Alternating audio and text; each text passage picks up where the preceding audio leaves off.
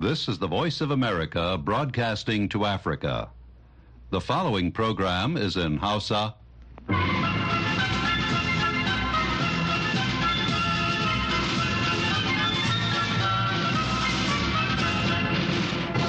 Sashen Hausa na muryar Amurka ke magana daga nan birnin Washington DC. Masu saurare Assalamu alaikum barkanmu da asuba da fatan an wayi gari lafiya. Murtala Faruk sanyin ne tare da Hauwa Sharif da sauran abokan aiki. Muke farin cikin kasancewa da ku a cikin shirinmu na safiyar yau Litinin 29 ga watan Janairun shekara ta 2024. Kafin ku ji abubuwan da muke tafa da su ga kanun labarai. sakatare janar na ƙungiyar kawancen tsaro ta nato james stoltenberg ya ce ya kamata ukraine ta ci gaba da samun tallafin da take buƙata domin fafutukar rasha daga ƙasar ta dubban ɗaruruwan magoya bayan ɗauraren tsohon firaministan pakistan imran khan suka taru a sassan ƙasar a jiya lahadi a wani gangami da ya kewaye ƙasar hukumomi a turkiya sun kama wasu mutane biyu da suka harba wani mutum har lahira a jiya lahadi a birnin istanbul To bayan labaran duniya za ku ji cewa manazarta na ci gaba da fashin baki kan kalubalen da suka dabaibaye yaƙi da cin hanci da rashawa da ya yi katutu a Najeriya. Za a ga waɗansu sun yi laifuffuka na ya kamata a ce an kama su amma sanadiyar da sun ce sun koma jam'iyyar da take mulki sai ga an yi shiru kamar sun ma wani samu kariya ce ta musamman. Haka kuma za mu kawo muku martanin gwamnati kan wannan batu. bai yiwuwa kawai a ce wai jam'iyya ce kawai za a za a ba laifi na na wannan al'amari dole ne a tsaya a dubi yadda tsarin demokuraɗiyya irin namu na Najeriya yake Kamar kowace ranar Litinin yau ma za a kasance da shirin ciki da gaskiya na Sarfilo Hashim Gumel. To amma kafin nan sai a gyara zama domin jin labaran duniya tukunna. jama'a assalamu alaikum barkanmu da asuba sunana hawa sharif ga labaran duniyar sakatare daren na ƙungiyar kawancin tsaro ta nato jan stoltenberg ya ce ya kamata ukraine ta ci gaba da samun tallafi da take buƙata domin fafatakar rashi daga ƙasar ta ba haka ba kuwa amurka da turai da sauran sassan duniya za su ɗanɗana kudarsu muddin shugaba vladimir putin ya sami yadda yake so daga ukraine. Stoltenberg ya kara da cewa hakan na kuma iya sa wasu gwamnatocin kama karya su yi gigin cin iyakar wasu ƙasashe da ke sassan duniya. A yayin wata hira da talabijin ta kafar labarun fox a ranar lahadi. Shugaban na nato stoltenberg ya ce beijing na nan tana sa ido tana kallon irin martanin da ƙungiyar ta nato za ta maida ga mamayar da putin din yayi a ukraine sau da kafa ya ce ukraine ne a yau gobe kuma ta iya kasancewa taiwan. Haka zalika jiya lahadi shugaban ukraine din volodymyr zelensky ya ce samun koma baya a tallafi daga amurka zuwa kiev zai aike da wani mummunan sako gani yadda 'yan jam'iyyar republican da ke majalisar dokokin amurka suka hana shugaba biden din tabbatar da ci gaba da samar da tallafin ga ukraine. Dubban ɗaruruwan magoya bayan ɗauraren tsohon firaministan pakistan imran khan suka taru a sassan ƙasar a jiya lahadi duk da ƙoƙarin murƙushe sun da gwamnati ke yi suka kuma sha alwashin zaɓen ɗan takarar shi a babban zaɓen ƙasar da za a yi a ranar 8 ga watan gobe. Imran khan mai shekaru 71 a duniya ya buƙaci masu zaɓen 'yan takara daga jam'iyyar shi ta tahrik al-insaf ko pti da su shirya taron gangami domin zaburar da masu kada ƙuri'a a zaɓen ƙasa da na yankuna da ke tafe. Da tuni aka yi zargin shirin tafka magudi a cikin shi da zargin sojojin ƙasar da tsuma baki a tsare-tsaren gudanar da zaɓe domin samun kafar yin magudi da sauya sakamako. Sojojin dai ba su ce ofan ba akan wannan zargi. Dandazon mutanen da suka amsa kiran tsohon firaministan a jiya lahadi ya yi daidai da sakamakon ra'ayin jama'a da ya nuna cewa imran khan shine dan siyasa mafi farin jini a pakistan. Kuma jam'iyyar shi ta pti ce jam'iyya mafi girma a ƙasar an kammala shari'a da ake yi wa wani jami'in diplomasiyyar tarayyar turai dan ƙasar swedish a birnin tehran a jiya lahadi inda masu gabatar da kara a ƙasar ta iran suka nemi hukunci mafi tsauri akan mutumin da aka zaga da yi babbar makiyar iran din wato isra'ila leƙen asiri. Mai gabatar da karan ya ce mutumin mai shekaru 33 a duniya johan fledros wanda ke aiki da ɓangaren diplomasiya na ƙungiyar tarayyar turai. An tuhume shi ne da hada baki wajen zurfafa ayyukan sirri da gwamnatin yahuda ta isra'ila cewar shafin labaran yanar gizo na ma'aikatar shari'ar ƙasar mizan. Tunan ba da jimawa ba hawa za ta sake shigowa da labaran duniya kashi na biyu. To amma kafin nan manazarta na ci gaba da bayyana yadda matsalar cin hanci da rashawa ke ci gaba da kawo tarnaki ga ci gaban najeriya. Duk da yake gwamnatoci na cewa suna yaƙi da wannan ɗabi'a to amma masu fashin baki na ganin cewa da akwai ƙalubale tattare da tsare-tsaren gwamnati na yaƙi da cin hanci da rashawa. Hawa sharif ta tattauna da wani mai fashin baki a najeriya alhaji adamu makarfi dangane da wannan batu. Akwai abin da ake ce ma rashin biyan haƙƙi ga waɗanda ya dace a ba su haƙƙinsu. Ɗaya kenan. Na biyu in ka kalli ɓangaren ma'aikatan gwamnati yadda da aka ba su kariya ta inda yake in sun yi abu sai an duba yadda ya kamata an tabbatar da gaskiyansu ko rashin gaskiyansu a ɗauki hukunci a kai. Amma abin bakin ciki yadda ake tafiyarwa yanzu za ka ga ma'aikacin gwamnati ya zama kamar almajiri. Musamman 'yan siyasa in ya shigo shi gani yake ma'aikaci kamar wani abokin hamayyarsa ne kuma ba wanda yake so ya ci zarafi za a ga cewa ma'aikaci ne. Ɗaya kenan. Na biyu wato duk lokacin da aka ce an samu mutum ya yi abin da ake ce cin hanci da rashawa mafi yawancin lokuta za ka ga ba ma a kama irin waɗannan. Ko da an kama sai dai ka ji kurari aka yi amma daga ƙarshe ba za ka san menene ya faru ba. Kuma abin baƙin ciki shine za a ga wani ya ɗan yi ɗan ƙanƙanin laifi ka ga in an maje ta ɓangaren shari'a irin hukuncin da za a yi mai za ka ji abin ya yi zafin da gaske. Amma waɗanda za a ga sun saci kuɗaɗe biliyoyin biliyoyi ko da ma za a ɗauki hukuncin sai ga hukuncin bai dace ya yi daidai da irin laifuffukan da suka yi ba. Kuma yanzu wani abin da zai ba mutum haushi na yadda ake tafiyar da harkar wannan cin hanci da rashawa. Za ga waɗansu sun yi laifuffuka na ya kamata a ce an kama su amma sanadiyar suna ganin cewa da sun ce sun koma jam'iyyar da take mulki a ƙasa sai ga an yi shiru kamar sun ma wani samu kariya ce ta musamman. Duk wani irin laifukan da suka yi ba za ka ji an ce musu ta tafasa sauke ba. To irin waɗannan abubuwa suna taimakawa da abin ya ci gaba. Ga ɓangaren al'umma su kansu za ga idan mutum ya saci kuɗi ya saci kuɗi maimakon a ce ma ana kyamarsa gani ake kamar ma ya yi abin arziki ko a cikin al'umma za ga shi ake ladabtawa. Waɗanda suke da gaskiya ma ba a ɗaukar su mutane kamar gani ake su kaskantattu ne. Maimakon a ce gaskiyansu ya taimaka al'umma suna musu dibi na ta goma shi sai ga kamar ma su da suka yi gaskiyar kamar kyama ake amma waɗanda za su yi ta ɗibi kuɗi su yi satar yadda ya kamata duk inda suka wuce ka gama masu ake shawa. To a nan kenan a iya cewa gwamnatoci da suka zo da na bayan da na yanzu a iya cewa ba da gaske suke yi ba game da batun cin hancin da rashawan koko kana ganin a ƙila tafiya ake ha yanzu ƙila ba a kai wurin ba ne. To ni gaskiya da farkon fari ni zan ce ba da gaske suke ba. Aikin ga a bayanan da na yi a baya ta inda nake cewa wasu lokuta ma komai laifin da mutum ya tafka in baya jam'iyyar da take tafiya da mulkin ƙasa idan ya hauro daga tashi jam'iyyar ya koma ta wadda take mulki za ga cewa an yi shiru to kin ga wanda ma ya hauro an ƙyale shi to ina kuma wanda yake ci a wannan jam'iyyar yake ba ma za a taba shi ba.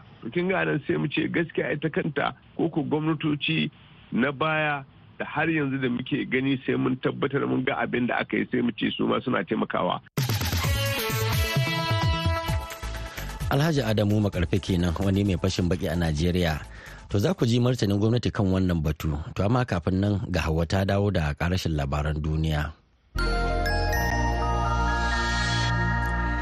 Hukumomi a turkiyya sun kama wasu mutane biyu da suka harba wani mutum har lahira a jiya lahadi a birnin istanbul da ake kyautata zaton ba sa rasa nasaba da ƙungiyar isis cewar ministan cikin gida aliyar likaya tun farko dai ralika ya bayyana cewa harin wanda ankara ta yi allah wadai da shi ya faru ne da misalin ƙarfe 8:40 agogon gmt a cocin italiya na santa maria catholic a yankin siriyar da ke birnin istanbul inda aka kashe wani dan asalin ƙasar ta turkiya da 'yan bindigar suka kaikaita suka kuma kashe shi a daidai lokacin da yake shiga majami'ar. Da yake magana da manema labarai daga bisani hirlika ya ce tuni har hukumomi sun gudanar da samame a wurare sama da talatin a sassan istanbul an kuma tsare mutane 47 zuwa yanzu da aka yi nasarar kamawa a samame da aka kai na ƙarshe. Wani jami'in yanki ya faɗa a jiya lahadi cewa 'yan bindiga sun kai hari kan wasu ƙauyawa a yankin abiye mai arzikin mai da bangarori biyu na sudan da sudan ta kudu suka ɗauki alhakin kai shi inda akalla mutane 52 suka rasa rayukansu da ya hada da wani ma'aikacin ayyukan tabbatar da zaman lafiya na majalisar ɗinkin duniya da wasu mutum 64 da suka jikata har ya zuwa yammacin jiya lahadi dai ba a san takamaiman musabbabin kai harin ba to sai dai an yi hasashen cewa baya rasa nasaba da wata takaddama da ake yi akan wani fili. Kamar yadda ministan yatsa labaran abiye billy scrooge ya shaida a kafar labaran associated press ta wayar tarho.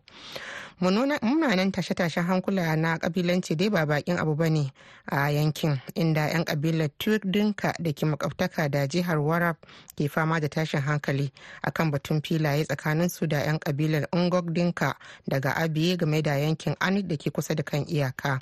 Court ya ce maharan da suka kai harin an bayyana cewa matasa ne ɗauke da makamai daga kabilar nuwa da suka yi kaura zuwa jihar ta warab a bara sakamakon ambaliyar ruwa da ya mamaye yankunan su. Hawa Sharif kenan aka saurara da labaran duniya daga nan sashen Hausa na muryar Amurka Washington DC.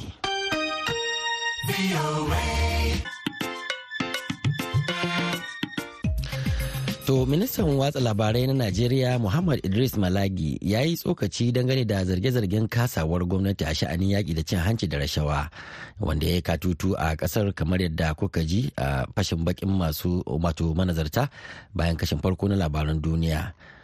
Ga tattauna. gaskiya gaskiyanta ne mutane suna da wato irin wannan kokonto ko kuma a ce shakka na irin wannan abu. To amma abin da zaka sani shine idan ka ce tun ka faro tun daga gwamnatin shi shugaba muhammadu buhari ai kaga a lokacin ai akwai waɗanda suka samu matsaloli akwai gwamnati guda biyu da suka samu wato matsaloli har aka tsare su aka kurkuku.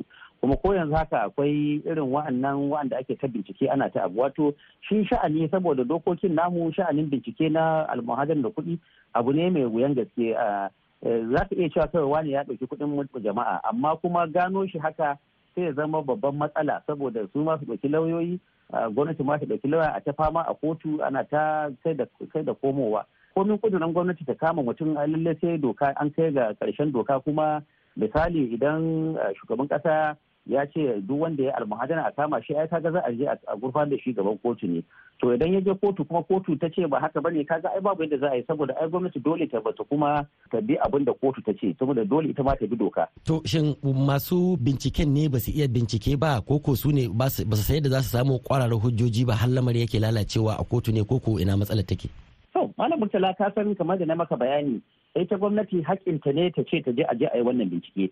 Idan aka yi wannan bincike kuma dole a gurfanar da su gaban kotu. Ba wai kawai da za a ce kawai a je a kamo ka ba ne a ce kawai ka kama ba tun da ba mulkin soja ake ba a ce ka ci kuɗi kawai zo ka je shiga gurguku dole a tsaya a je a kai mutum kotu abin da kuma kotu ta ce shine za a bi dole saboda ai wato demokradiyya ake bi ba za a yi kama karya ba. Dole a bi mutane a bi dokar ƙasa. Idan kotu ta ce wannan ya yi laifi shi kenan ya laifi. Idan kotu kuma ta ce ba ta yi ba mutum bai yi laifi ba kaga biyar da gwamnati ke son ta misali ta gudanar da mutum a kaga abin zai zo da dan da dan wuya kenan. A can baya lokacin gwamnatin pdp a mafi akasarin mutanen wannan ɓangaren suna zargin gwamnatin pdp da cewa wato tana daurewa mutanenta gindi musamman waɗanda suka aikata ba daidai ba. Ko da an fara binciken su idan suna cikin wata jam'iyyar adawa da sun koma a cikin jam'iyya mai mulki sun tsira. Kusan wannan zargin ya biyo yanzu ya fada akan ita jam'iyyar kata ap ko kuma jam'iyyar apc mai mulki wadda ake ganin cewa koda mutum ya aikata laifi muddin koda a waje yake idan dai ya fada a cikin jam'iyyar to shikenan kamar ya hau tudun mun tsira. To ka san kamar da maka bayani shi zargi in dai ba kotu ba ce ta ce an tabbatar da zargi kaga dai sunan shi dai zargi kenan. Duk da kake ganin ana cewa wani ya almuhadara da kuɗi da dukiyar jama'a a kaga dai ba ɗauka shi zawai kawai a je a ɗaure shi a kai shi wato kurkuku a ɗaure shi ko kuma a ce a masa wani hukunci ba. Dole dai to demokradiyya ake yi dole dai a kai a gurfanar da shi gaban kotu. To idan har ba a je kotu aka tabbatar da wani zargi ba kaga sunan shi zargi kenan.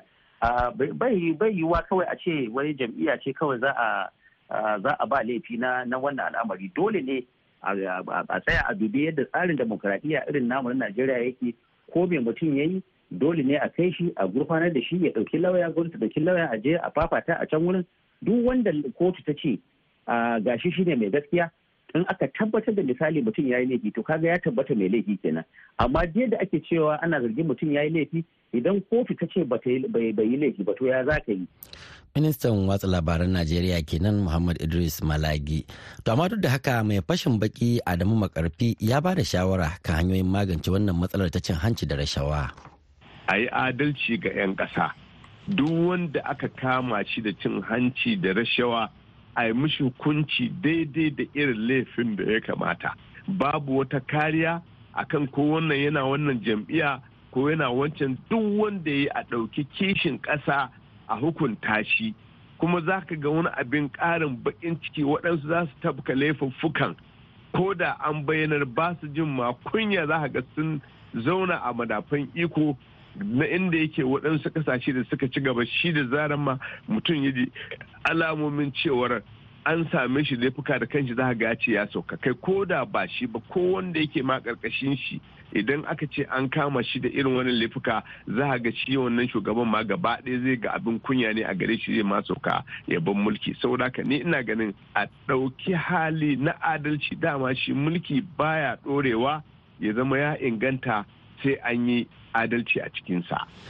a gaida alhaji adamu makarfi. Masu rare kuna tare da sashen hausa na muryar amurka washington dc kuma a koda yaushe za ku iya zuwa shafukanmu na intanet a voahausa.com ko kuma sashen hausa.com yanzu ga dan mutan gumel da shirinmu na ciki da gaskiya.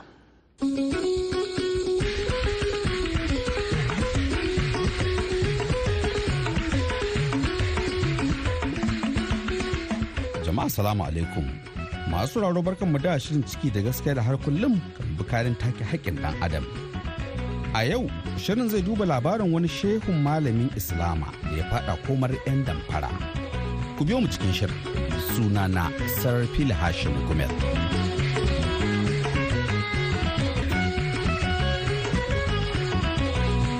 Sabon shirin ciki da gaskiya zai duba labarin babban malamin addinin musulunci sheikh muhammad kabir ismail. Wanda ya faɗa tarkon 'yan damfara da sunan za su kawo masa lodin motocin shinkafa inda ya miƙa musu miliyoyin kuɗin jama'a. Daga bisani suka kai shi wani gida a kano ya kwana a shagon gidan. Washe gari ya shirya don kammala magana sai aka shaida masa ba a san mutanen da suka cuce shi ba kamar yadda Sheikh Muhammad Kabir Ismail ya shaida wa shirin ciki da gaskiya da bakinsa. Hakika na haɗu da jarrabawa ne a lokacin da nake cikin kwamitin zaurawa na mai martaba Turba a 2015-16 zuwa dai 17. Wato tsohon gwamnan jihar Gombe Alhaji Ibrahim Hassan Dan Kwambo. ina daga cikin members da ya naɗa na zaurawa kwamiti. Yau wato shine wani ya kawo shinkafa ana ce da shi Mustapha Zarewa. daga Kano. To da ya kawo shinkafa mota ɗaya ni dai ban san shi ba. Kuma babu wata alaka da ta wani ya haɗa ni da shi haka kawai ya shigo ofis ɗinmu na zaurawa kwamiti ya ba da wannan shinkafa. Tsammanin sa cewar mu ne za mu yi wannan kwantiragi na raba shinkafa da hatsi da sauransu wata gwamna bawa da ya bawa ma'aurata. A akar makalla faɗa mana shi wannan kwamitin mutane nawa ne a cikin sa ne? Wai za mu kai mu goma sha ɗaya ko sha biyu fa. kuma duk malamai ne ko akwai wasu waɗanda ba malamai ba. Iban Gombe yana ciki Allah ya ji kansa, Aliyu Dala yana ciki Allah ya ji kansa. Baba Lima ai wannan tafi Sataliya muna tare. Ainihin duk muna tare da kuma Sheikh Bashir Barhama ya magana shi yana nan a nan Abuja tare da ku. Da su ne da 'yan kwamitin. Malam Muhammad Kabir Ismail ka ce akwai wani mai shinkafa da ya zo daga Kano ya kawo shinkafa shigo ofis. Me ya faru a wannan lokacin? A lokacin shi ya kira ni muka zauna tare da shi ya ce to ga shinkafa ya kawo mota ɗaya ko da tsammanin cewar wannan kwamiti namu zai karɓa ya ba wa mai girma gwamna a samu kontragin ta hannuna ya fidda ni akan haka muka gina abun tun daga farko ni da shi kenan har kuma aka zo along the way bai yiwu ba tun da ba mu aka ba wa direct contracting din ba. A malam Muhammad Kabir a cikin tsarin aurar da zaura akwai sayan shinkafa ne da raba shinkafa? Akwai kowane mai kowane manemi za a ba shi buhun shinkafa ɗaya da buhun masara da buhun gishiri da gado da katifa da kujeru set biyar da dubu ashirin nasa da dubu goma nata da turmi da taɓarya da duk abin da ka sani ledan ɗaki labule filo ba abin da gwamna bai yi ba. To ka je da abin yake. To sai ya zama na tsammanin mutane mu 'yan kwamiti da gwamna ya naɗa mu za a ba wa kwangilan waɗannan abubuwa shi isa ina ne akan cewar in ba shi dama ya kawo mai shi ma ya samu na samu. Ban san ko ka fahimci ina ji ina ji. Amma ma karɓi me sunan shi mutumin ne? Shi wanda ya bani ya kai zo da shinkafa. Ko sunansa Mustapha Zarewa sai kuma Alhaji Umar Kunji. Amma ka san shi Mustapha Zarewa? Mustapha ya kawo mun kayansa na sai da mota ɗaya ma ya je ƙara kawowa mota ɗaya. To ina ji ina ji. Mana bayani ya abin ya faru daga nan da ya zo ya ce gashi nan idan ka ba shi hanya ya kawo shinkafa a siya a kwamiti ana rabawa masu aure. ya kawo din na karɓa ni kuma ban samu ƙofa na cewar in kawo contract din shinkafa ba. sai na ɗauki motar shinkafa sai na sayarwa Umar Kunji. Wani ɗan kasuwar wani ɗan kasuwa ne a Gombe. Yi Alhaji Umar Kunji sananne ne yana nan halar a wajen Idi. Sai na sake gaya wa shi wannan Mustapha mutumin Kano ya karo na bashi kuɗin sai ya karo wata mota ɗaya. Na sake sayarwa Umar Kunji. Wato dai ma Muhammad Kibir ka dai koma kamar mai sana'ar shinkafa kenan ka bar ma maganan kwamiti da ya koma gefe ke. babu ruwansu da wannan abun da nake eh shi dai ya sani ina kwamiti. Yawa to a hakan sai ga wasu kuma suka zo su wasu su uku suka ce mun suna da shinkafa mota huɗu za su kawo ba fa Mustapha da yawan ba kuma. Ni kuma sai na karɓi kuɗi gurin Umaru Kunji mota uku. Na hada da nawa mota ɗaya miliyan shida da dubu ɗari biyar. Ga lauya kani na atiku ismail ya gani ga kani ga 'ya'yana guda biyu ismail da muntaka sun gani. Na sauke su a bimalojin alhaji yakubu bello sabon kuɗi shine mai masaukin bimalojin ya san maganan ya ga mutanen tun da alodin sa na ajiye su. Haka na ɗau kuɗi na ba su za su kawo mota huɗu ban san su babu alaka irin wanda ban san wancan ba. Har zuwa yau ba magana babu kuma inda zan same su. Tunda a lokacin ma babu rarisa na waya balle a ce za a yi da ake kiransa trekking ɗinsu a haka na tafi sokoto in je katsina in je ina ina ta neman iska ba makama a haka kawai na dulmuya. Sai da yin shekara guda ban dawo gombe ba. tun daga faruwar wannan lamari dai shehun malamin dai ya shiga damuwa matuƙa. Duk da yake wasu makusanta a gare shi sun yi masa gargaɗin karya baiwa mutanen kuɗin amma a cewar shi ribar da zai samu ce ke gabansa a lokacin. Ɗaya dai kamar ba ɗan arewa biyun kuma haka suka zo wasu katti masu jiki wallahi azimi ban taɓa ganin su ba. Su ma da suka zo ofis ɗin kawai kuma in aka zo kamar wanda aka mun cune sai su neme ni. Ni kuma na yarda har na sauke su na ba su masauki muka yi wannan mu'amala. Eh ma'ana suna jin Hausa sosai suna magana da Hausa. Eh biyun suna jin Hausa. An shirya musu abinci daga gida na ƴaƴana muka kai musu na ce maka da barista a ciku lauya kanina tare muka kai musu bimaloji. Eh ka tuna sunan akalla ka tuna sunayen su? Wallahi a lokacin kam ai mu'amalar ma gaba ɗayanta da suke bata wuce yini da kwana ba aka gama ta gaya maka. Kar ka ba su kuɗi ce kun fiye mummunan zato kar ka ba su kuɗi ina ta kaucewa ha kawai ɗauka na ba ni kwaɗayi na dai kawai samu riba. Kawo mun zan samu riban kasuwa. Eh, ma'ana sun wato kamar sun dan yi sauƙi ga farashin ma shinkafa da yan kwatanta da irin sun saukar da ita idan a kasuwa za ta kai dubu takwas a lokacin da wani abu sun bar mun a dubu bakwai da ɗari biyar. Kaga yana ɗari biyar biyar sau ɗari shida. Amma kaji abin da ya ce malama makibi sun nuna ma shidar suna da wani sto ko kawo shinkafa ko da baki kawai suka yi ma zakin baki. Kuma kalla mutumin da ya zo gombe ya same ka kai baka je gurinsa ba kawai yarda da ganin abu kawai.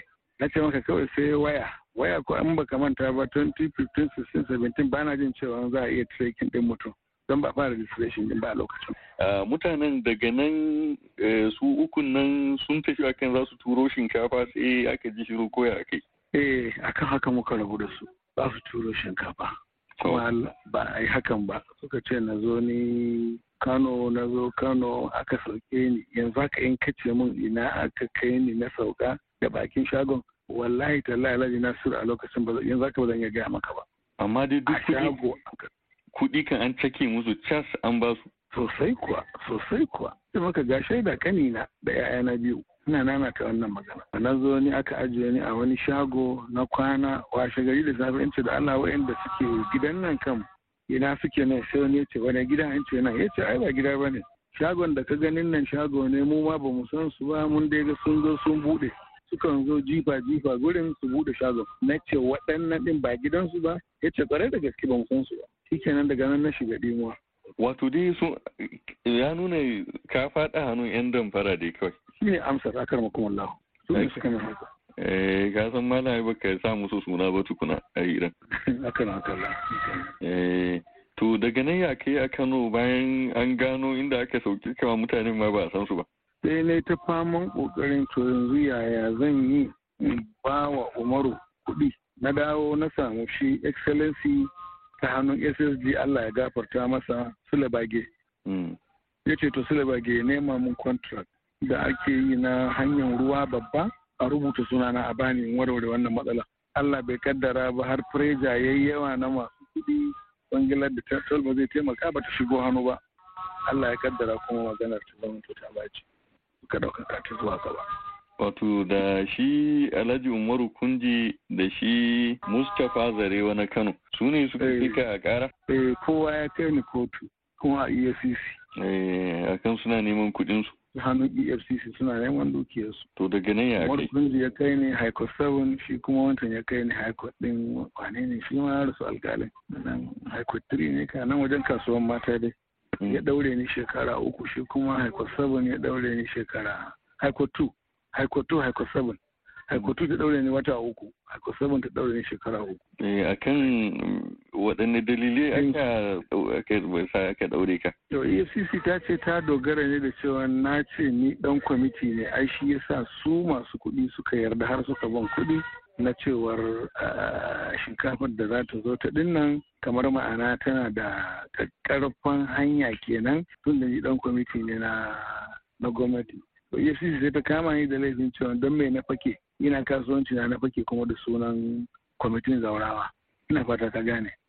Yawowa to ka ji abin da ya faru kenan. Akan haka aka mun hukuncin kamar na yi damfara.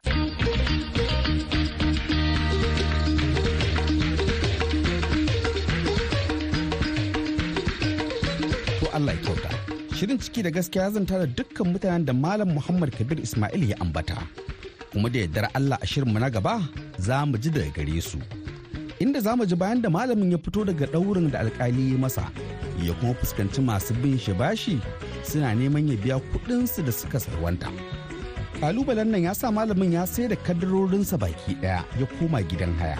Amma kuɗin ba su isa ya biya manyan kuɗaɗen da ya karɓa ba don guna da wannan harka. Masu sauraro sai a biyo mu shirinmu na gaba domin jin yadda ta kaya. yanzu amadadin nasiru amerika da ya taimaka wannan shirin ya zo gare ku nisar fil hashin gumel daga nan birnin washington dc ke cewa mu kasance lafiya to madalla da wannan kuma muka zo ga shirinmu na ƙarshe wato labarai a taƙaice To na san inna a taƙaice sakatare daren na ƙungiyar kawancin tsaro ta NATO Jan Stoltenberg ya ce ya kamata Ukraine ta ci gaba da samun tallafin da take buƙata domin fatattakar Rasha daga ƙasar ta. In ba haka ba ko ya ce Amurka da Turai da sauran sassan duniya za su iya ɗanɗanar kudar su muddin shugaba Vladimir Putin ya sami yadda yake so a Ukraine. Stoltenberg ya kara da cewa hakan na kuma iya sa wasu gwamnatocin kama karya a duniya su yi gigin cin iyakar wasu ƙasashen da ke duniya. Dubban ɗaruruwan magoya bayan ɗauraren tsohon firaministan pakistan imran khan suka taru a sassan ƙasar a jiya lahadi da da ƙoƙarin murƙushe sun da gwamnati ke yi. Suka kuma sha alwashin zaɓen ɗan takarar shi a babban zaɓen ƙasar da za a yi a ranar takwas ga watan gobe idan allah ya kai mu. Imran khan mai shekaru 71 a duniya ya buƙaci masu zaɓen 'yan takara daga jam'iyyar shi ta tahrik al-insaf ko pti da su shirya taron gangami domin zabar da masu kada kuri'a a zaɓen kasa da na yankuna da ke tafi da tuni aka zargin shirin tafka magudi a cikin shi. To masu saurare a nan muka kawo ƙarshen shirin namu na yanzu sai can an jima da ƙarfe huɗu na rana agogon najeriya za a ji mu da wasu sababbin shirye-shirye.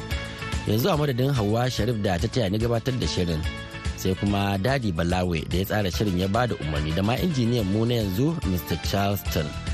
Murtala faruk sanyin na ke muku fatan alkhairi ma'assalam.